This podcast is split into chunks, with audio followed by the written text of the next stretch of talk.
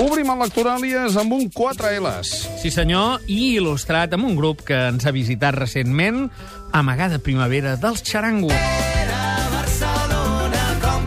El dia de Sant Jordi avancem nosaltres a la plaça Catalunya. Sí, senyor, aquesta magnífica cançó serveix per il·lustrar el primer llibre d'avui, Mis Postales de Barcelona, de l'escriptora, també traductora, també crítica literària, Isabel Núñez. Aquest és un llibre una mica especial, prologat i amb uns eh, mapes i, eh, pel Javier Mariscal, editat a Triangle Postals, i realment és un llibre de postals. Eh, és un dietari que parteix de diversos indrets de Barcelona que estan fotografiats aquí. Tots ells amb una fotografia en blanc i negre molt evocadora.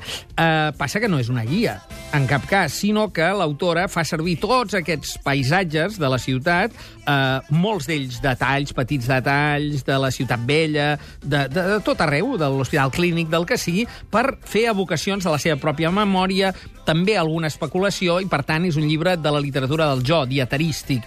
Ara bé, he de dir que té una profunditat que mm, aconsegueix esquivar de fugir la pesantor plúmbia d'algunes reflexions intel·lectuals. Per tant, és una molt bona barreja d'escriptura eh, des de la reflexió, però també des de l'acció, també des del record, i una suma d'intel·lecte i emocions força recomanable, Mis Postales de Barcelona, de Isabel Núñez. Mots clau. Barcelona, en primer lloc, però també ambient, és un llibre molt ambiental, més que no d'acció, també memòria, emocions i intel·lecte. Vida interior d'un lluç, miracle de Vida interior d'un lluç, d'aquí mi portet ens il·lustra uns 5 L's. Sí, senyor, un clàssic. Eh, he posat aquest tema del portet perquè la vida interior d'un lluç eh, ens eh, comporta una certa estupefacció, Espines. Mm, Clarament, sí.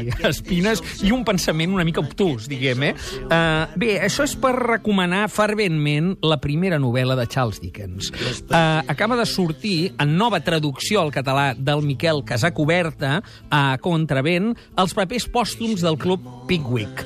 Uh, nosaltres tenim una visió de Dickens del qual se celebra enguany el bicentenari, per tant, doncs, per exemple, a VilaWeb cada dia publiquen un capítol de Casa Inhòspita, la casa, la casa desolada que coneixíem també en traducció al castellà. Uh, les novel·les David, de David Copperfield, Oliver Twist, és aquell Londres sempre molt, molt fosc, uh, molt dramàtic, amb moltes amb tints, diguem, de gran tragèdia. Bé, la primera novel·la, quan ell tenia 25 anys, uh, que és Els papers pòstums del Club Pickwick, és una novel·la humorística, absolutament hilarant i amb una mala llet eh, extrema que parteix de l'encàrrec d'una editorial a un jove escriptor perquè posés una mica de text a les il·lustracions d'en Robert Seymour, que és l'il·lustrador que sempre ha acompanyat després totes les edicions. Aquelles il·lustracions havien d'explicar la història d'un grup d'anglesos benestants que sortien de cacera de tant en tant i els hi passaven coses. I en Dickens ho va capgirar i es va inventar un club de filantrops eh, que és el senyor Pickwick, el seu ajudant impagable, el Samuel Weller, i tot un seguit de desventures que els passen. És una crítica mordàs a les classes benestants angleses, una novel·la de cinc estrelles. And she was lying En Mario Serra, que abans de donar pas als Talking Heads, eh, volia dir, encara dir alguns mots claus dels de, els papers pòstums del Club Pickwick, de Sí. Charles Dickens. Sí, deixa'm dir també que eh, és una novel·la que teníem en la nostra tradició. Té una 1.000 traducció... pàgines, 2.000 pàgines, quantes Mil, pàgines? té, 1.200 pàgines té, va- vaig per les 731. La- N'estic gaudint molt. Eh, La tradició era eh, la traducció del Carner, Mhm. eh, que estava l'edició en tres volumets petits. Cabo, Cabo, és. Cabo és el darrer llibre de Wagensberg, d'aforismes. Ah, d'aforismes, sí, Cabo home. és. Clar, tu has vist un llibre de 1.200 pàgines i has pensat... Dic, calla, amb un aforisme tot això es ja- pot sintetitzar. Sí.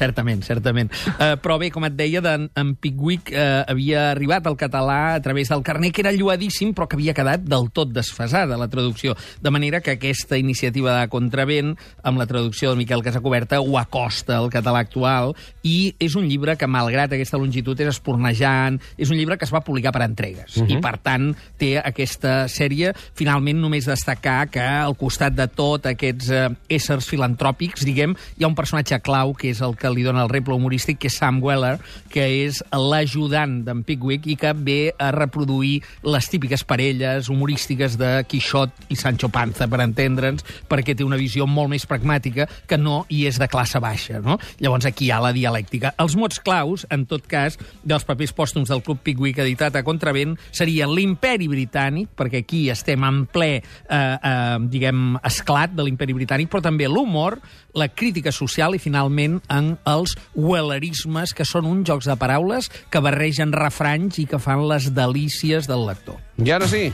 Anne and She Was. Talking Heads ens il·lustren en cap, cap, cap. Diccionari de dites i refranys sobre el cap. Sí, senyor. En Cap, Cap, Cap i els grans caps de la música Talking Heads. Aquest és el nou eh, llibre del màxim expert en parèmies, és a dir, en refranys eh, del nostre àmbit, en Víctor Pàmies. Eh, ell ja n'ha fet un sobre els refranys de l'ull, ara el fa sobre el cap, i esperem que continuï baixant per l'anatomia del cos, perquè hi ha refranys que van una mica més avall, cap al païdor, Ah, i, sí? i, i més avall i tot, i jo crec que fins a arribar als peus tindrem un llarg camí interessant. Uh, característica, bé, és un llibre molt uh, clar, uh, molt explicat, uh, d'on ve tot, però no ho ha editat cap editorial.